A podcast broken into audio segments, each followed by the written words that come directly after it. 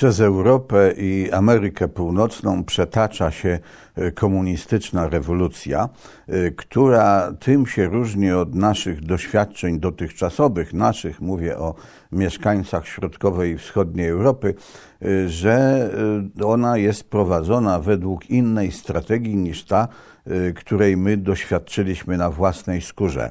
Bo my doświadczyliśmy strategii bolszewickiej, która się składała z takich trzech elementów. Y, gwałtownej zmiany stosunków własnościowych, no mówiąc krótko, likwidacji albo stopniowego likwidowania, albo gwałtownego, albo stopniowego likwidowania własności prywatnej. Y, na drugim elementem tej strategii był masowy terror i trzecim elementem tej strategii było masowe duraczenie, jak to mówił Janusz Potański, czyli taka chamska indoktrynacja od, pod koniec lat 60. odstąpiono od tej strategii, bo ona się okazała nieefektywna na dłuższą metę. Y, I y, rewolucja komunistyczna od tamtej pory y, prowadzona jest według strategii, którą jeszcze w latach dwudziestych XX wieku zalecał taki włoski komunista Antoni Gramsci, według którego Marks się pomylił. Y, formuła Marksa, mianowicie jakoby byt określał świadomość, według Gramsciego była na pewno nie była uniwersalna, a prawdopodobnie w ogóle fałszywa. Y, bo Gramsci postawił pytanie, no co właściwie człowieka alienuje, jaki jest główny czynnik alienujący, to znaczy trzymający człowieka w niewoli.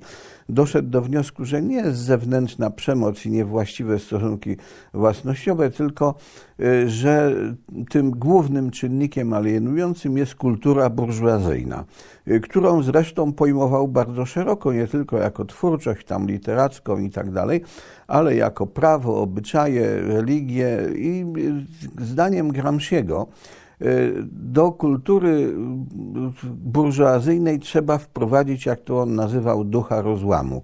Y, w jaki sposób kultura burżuazyjna człowieka alienuje? Ano, dostarcza mu kategorii, według których on myśli, ocenia, wybiera, no krótko mówiąc, funkcjonuje intelektualnie i jeżeli chce się zbuntować przeciwko tej kulturze, a właśnie na tym polega rewolucja, no to on się buntuje przy pomocy tych kryteriów, których ta kultura mu dostarcza, bo on innych nie ma.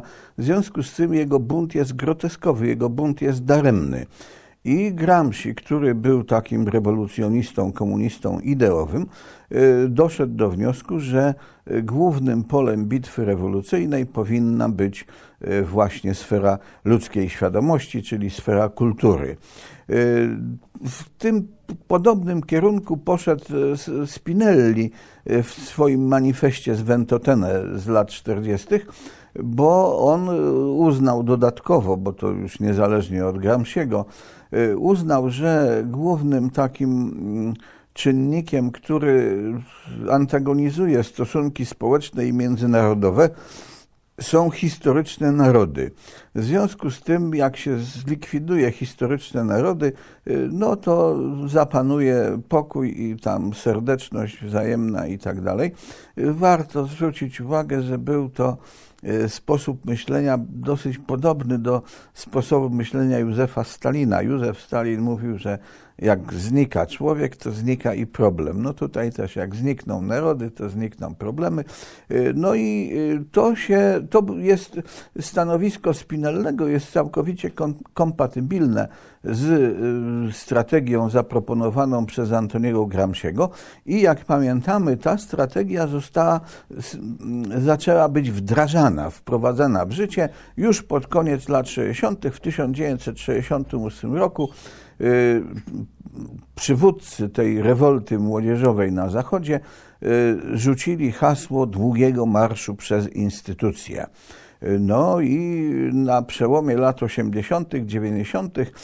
ten długi marsz przez instytucje udał się w 100%. Takim zewnętrznym wyrazem tego sukcesu, opanowania instytucji był Joszka Fischer w Niemczech, który był ministrem spraw zagranicznych, a wcześniej w 1968 roku dynamitardem, tam nawet zachowały się zdjęcia, jak rzuca koktajlami Mołotowa w policję.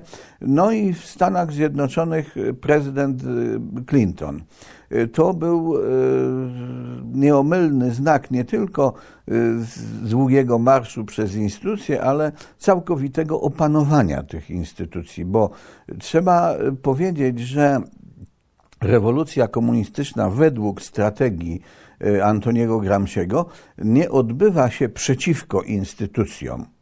Nie chce doprowadzić do ich zniszczenia, e, tylko chce doprowadzić do ich opanowania, po to, żeby e, rewolucję prowadziły instytucje. Rewolucję komunistyczną prowadzić poprzez instytucje i z wykorzystaniem potęgi, którą one dysponują. Proszę Państwa, żeby takim krokiem wstępnym, y, który zmierza do tego, by y, zmienić, y, wprowadzić ducha rozłamu do kultury burżuazyjnej, a w, konsekwencji ją zniszczyć, jest opanowanie języka mówionego, zdobycie panowania nad językiem mówionym. Dlatego, że na czym polega duch rozłamu? Na tym, żeby dotychczasowym takim dotychczasowemu słownictwu kulturowemu y, nadać zupełnie inne brzmienie y, takie zgodne z celami strategii rewolucyjnej. No i bo celem strategii rewolucyjnej, czy elementem strategii rewolucyjnej jest destrukcja takich organicznych więzi społecznych. I język mówiony, opanowanie języka mówionego jest pierwszym krokiem y, na drodze do Y, mm, zniszczenia kultury burżuazyjnej. Oj, mamy bardzo wiele przykładów takich, że to opanowanie języka mówionego dzięki instytucjom właśnie też się udało, bo wprowadzono cały wokabularz. Na przykład dzieciobójstwo zostało nazwane realizacją praw reprodukcyjnych.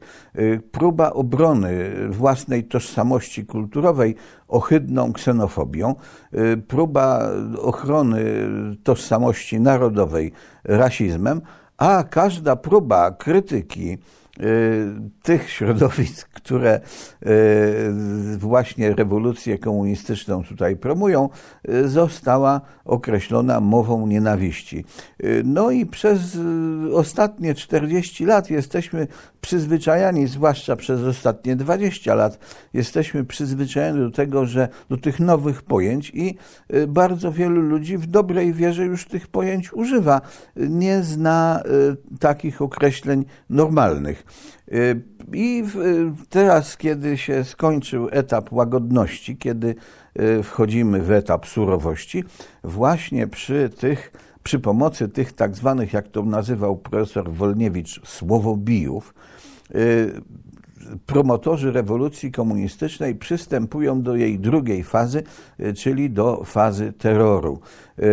Na przykład w wielu krajach, a w Polsce też, to się zaczyna, jest penalizowana mowa nienawiści. Co to jest mowa nienawiści? A to jest wszystko to, co się nie podoba promotorom rewolucji komunistycznej. Oni na razie jeszcze swoich przeciwników nie y, wrzucają do dołów z wapnem, ale starają się już y, zadać im śmierć cywilną właśnie poprzez tego rodzaju operacje. Y, no i z dużym powodzeniem, nie da się ukryć. Dlatego, proszę Państwa, ta mowa nienawiści staje się na naszych oczach e, bardzo ważnym czynnikiem rewolucji komunistycznej i w związku z tym e, trudno nie zaliczyć jej do dziesięciu najważniejszych.